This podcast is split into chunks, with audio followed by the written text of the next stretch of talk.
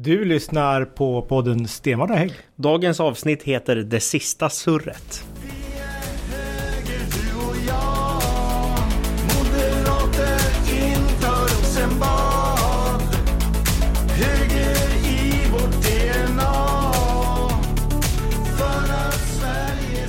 Välkommen till eh, årets första podd. Tack ska du ha. Och den sista surrpodden. Vad, vänta, vad... Ja, vi, vi, vi kommer ju inte lägga ner. Däremot så har vi ju fått apropåer från... Våra lyssnare att vi kanske är lite surriga ibland. Ja, vi måste strukturera upp den här podden lite mer. Så framöver kommer det bli... Inte torrare, men mer ordning i uppläggen. Så njut medan det vara nu, medan vi surrar på det sista här. Och vi, vi kan ju på slutet kanske ge en liten eh, heads up vad som kommer på nästa. Ja, Ja, men det tar vi innan vi avrundar. absolut.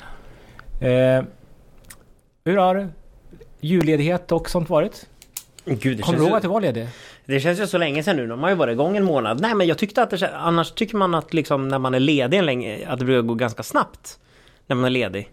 Men nu tyckte jag att det tog en jäkla tid. Alltså så här, jul och nyår går ju snabbt. Men sen den här liksom första veckan i januari när man inte har något att göra. När man bara ligger hemma och slöar. Då hade jag ju lika gärna kunnat vara på jobbet. Så jag kände där framåt helgen där första veckan i januari. Att men nu kan jag lika gärna börja jobba. Du Nu. menar då när vi andra var här och jobbade? Ah, det vet, vet jag inte om det var. Ja, nej men, eh, nej men det var skönt med lite ledighet, det tycker jag faktiskt. Det har varit ganska lugnt och skönt tycker jag också. Det har varit inte några direkta kriser som har hänt utan ja, du har ju fullt upp med dina bussar men, men, men Ja. vi, vi återkommer till den. Det gör vi. Men, men eh, nej men annars har det varit ganska lugnt så.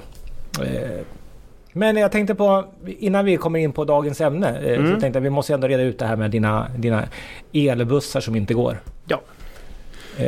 Du har haft det lite körigt. Nu får du förklara, varför funkar inte elbussarna? Ja, och det första som är viktigt, eller lite bakgrund. Eh, sedan december 2023 så gäller ett nytt avtal för busstrafiken i västra Gästrikland. Det är både regiontrafiken och den sprillans nya stadstrafiken inne i centrala Sandviken. Och eh, när man gjorde den här upphandlingen under den förra majoriteten ska sägas så ställde man krav, ett rimligt krav tycker även jag, på att vi vill ha utsläppsfria bussar. Inga konstigt i det. Och de som då vann den här upphandlingen eh, har då valt att, de gick till anbud med elbussar och har valt att köra hela eh, den nya trafiken då på el. Eh, tanken var ju att det här avtalet skulle träda i kraft i juni 2023 men avtalet blev då överklagat och drog ut på tiden och då blev det trafikstart i december. Eh, oavsett vilken typ av buss du kör är det oftast bäst att liksom trimma in det nya avtalet i juni då du kör med reducerad trafik för det är sommartabeller som gäller och väderförhållandena är bättre så. Nu har det varit lite annat och jag ska säga det, det är inte bussarna det är fel på utan laddstationen där bussarna ska ladda har det varit fel på. Så bussarna har inte tagit laddning och det har då föranlett en hel del inställda turer i vår trafik i västra Gästrikland. Och vems fel är det då? Om vi ska, hänga, om vi ska ha syndabockar här nu. Om man ska peka finger på vems fel det är. Är det ditt fel?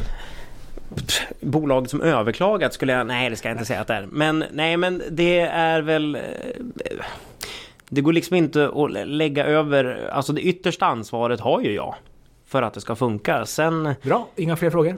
är det ju inte jag som står och mekar med laddstationen på depån så. Ehm, Det är operatören som äger laddstationerna. det är de som Ja. har depån. Så att Det är de som äger ja. bussarna, Ja. det är de som har personalen, det är de som har depån. Eh, och eh, de är ju oerhört angelägna om att få det här att funka eftersom att de inte ekonomiskt kompenseras av oss. De får ju inga intäkter för de bussar som inte går. Nej.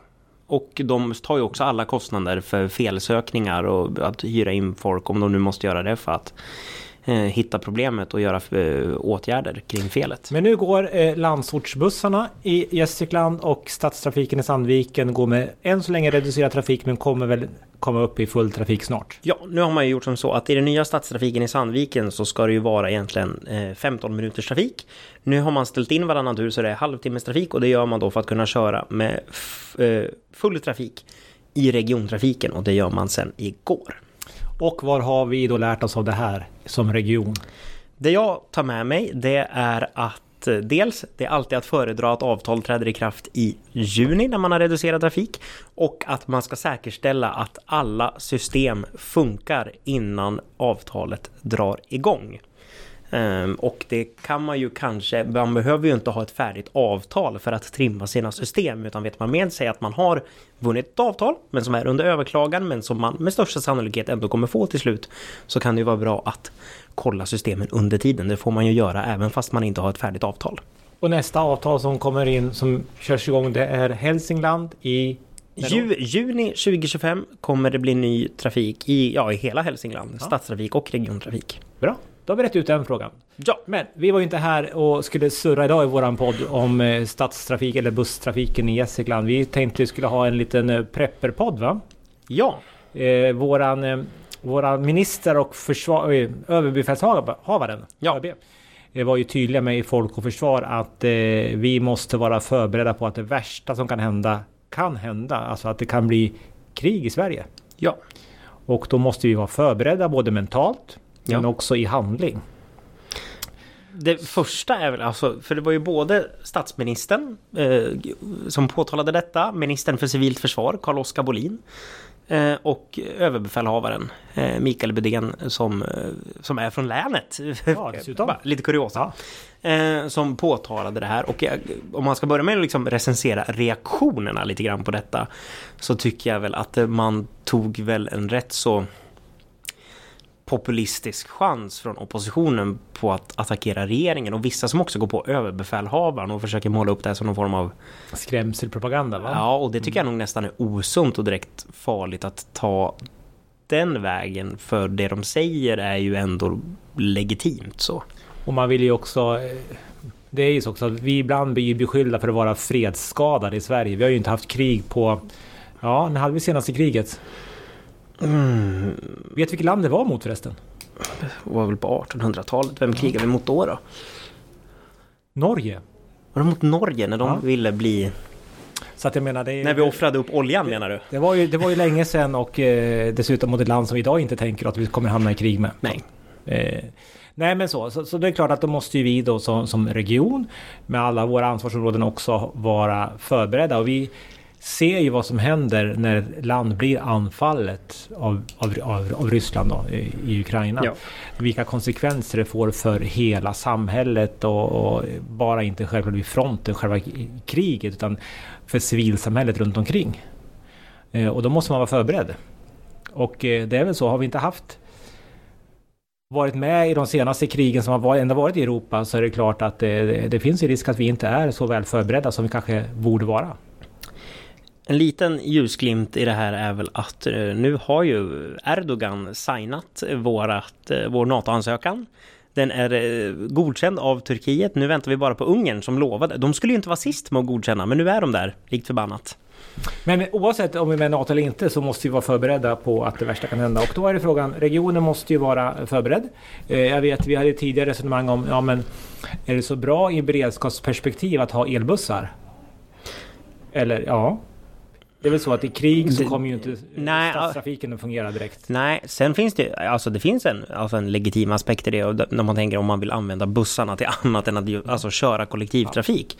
På så sätt, eh, så absolut, då är det inte helt optimalt om det är så att det inte går att ladda eh, och så. Men nu är det ju inte så att man blir det väpnad konflikt i Sverige så ska man nog inte räkna med att man ska kunna ta buss till skola och jobb utan då får man nog planera för att då ska det ställas om ganska, ganska omgående.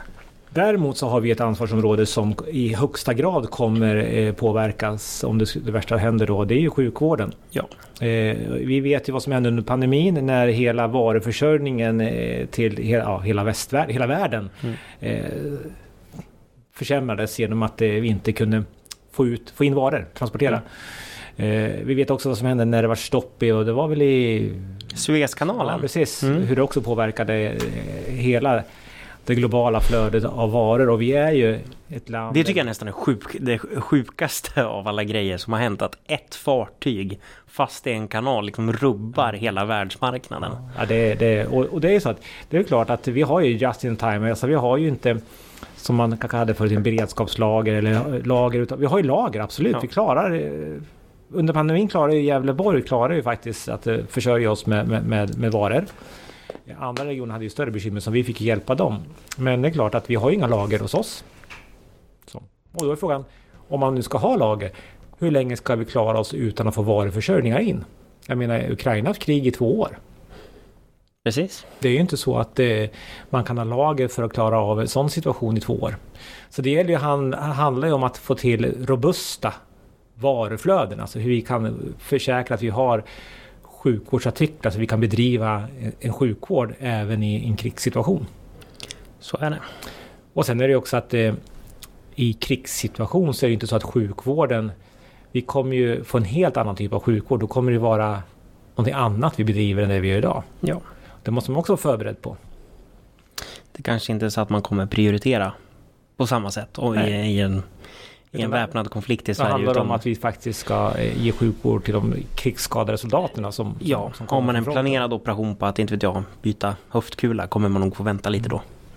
Så där tror jag att det finns en del, del att fundera på. Sen så måste vi tänka också, vi ska också försörja, vi ska ju dessutom ha en, en verksamhet som, som består av, av människor som ska bedriva sjukvård.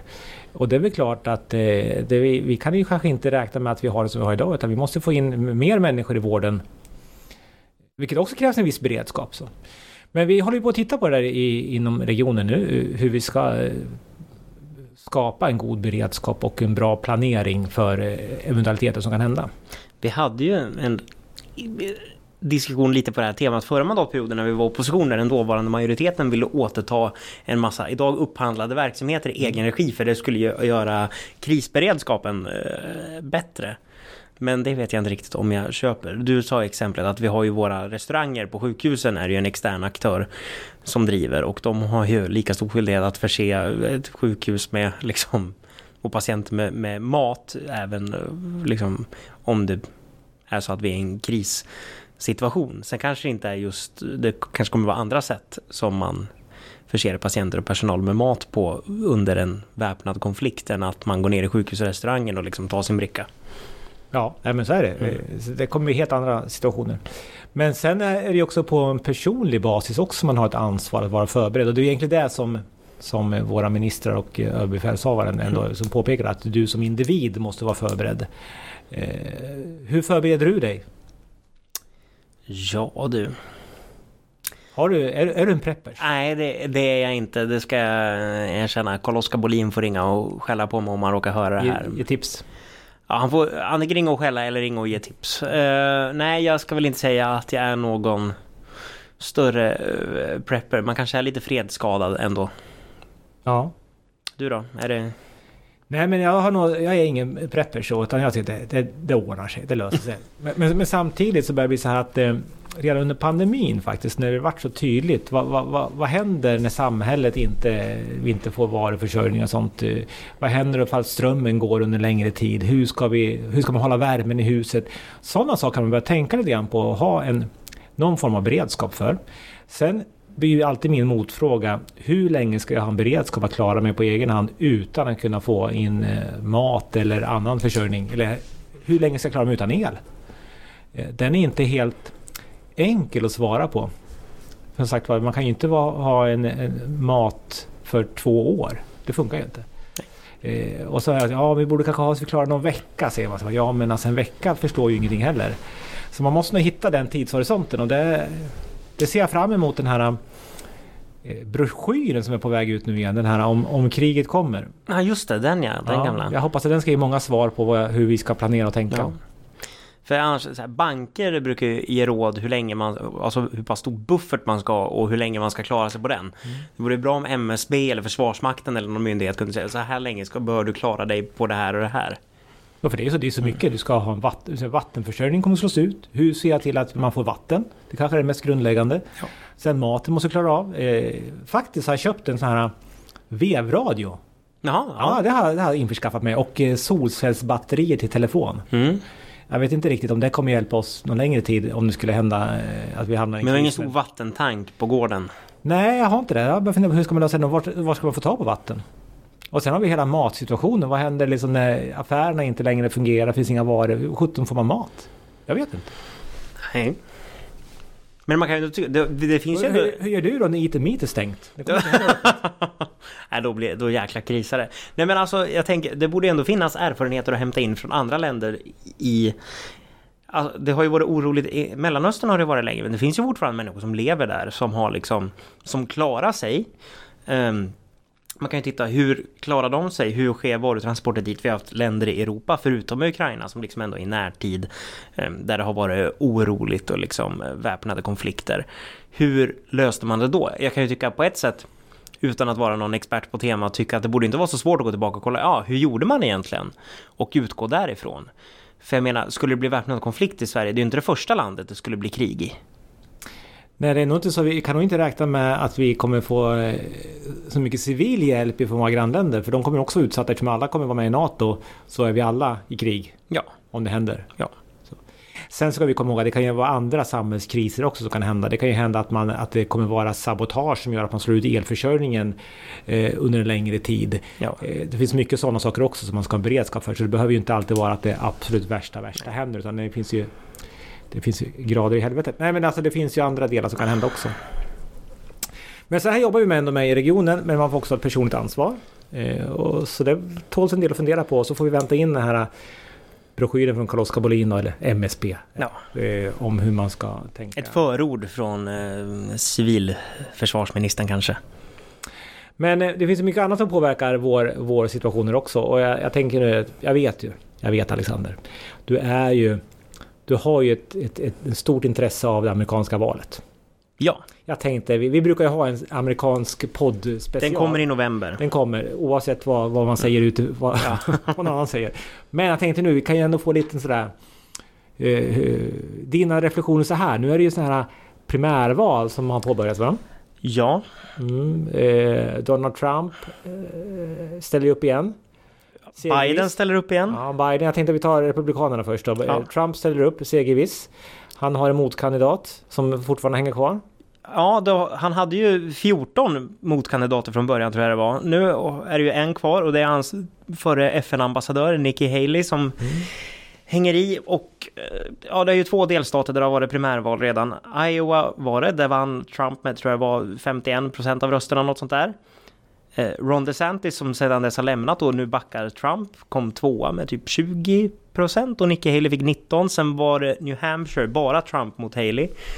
Där väl Trump fick 54 och hon 43. Där är det lite annorlunda för där får också folk som inte är registrerade medlemmar i Republikanerna men inte heller då är medlemmar i Demokraterna rösta. Och mycket av hennes stöd där kom också från demokrater som lämnade partiet, registrerade sig som fristående, gick in och röstade på henne och sen avreggade sig som republikaner igen. Nu är det ju hennes hemdelstat South Carolina näst på tur, men senaste mätningarna jag kollar ligger Trump på typ 58% och hon på runt 30%.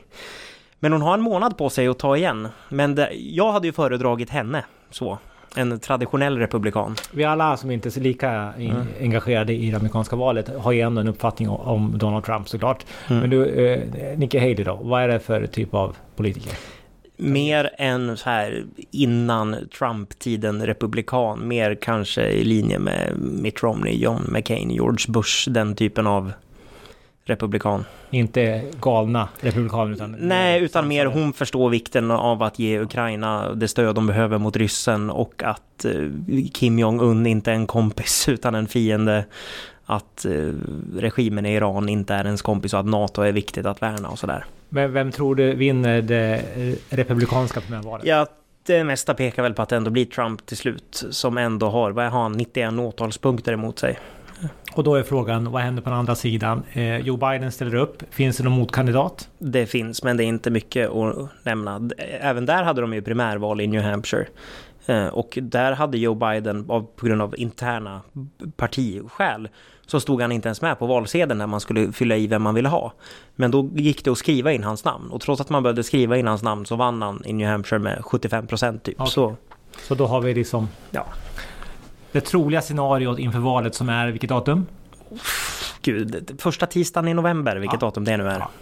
Så. Men jag, jag tror att vi kommer återkomma till det här oavsett vad, vad man tycker så kommer vi prata mer om det här. Men sett ur NATOs och Ja. krigsperspektiv är det ju spännande eftersom att Donald Trump är ju ingen traditionell republikan och eh, är ju lite buddy buddies med Putin och det har blivit lite småtrendigt inom hans eh, inre cirkel i Republikanerna att nej, men det är Ukraina som är korrupta. Putin är vår vän, han ska vi göra business med och att ha en sån president när vi går in i NATO som inte lämnar några som helst garanter för att han har något intresse av att försvara övriga västvärlden är ju klart problematiskt så.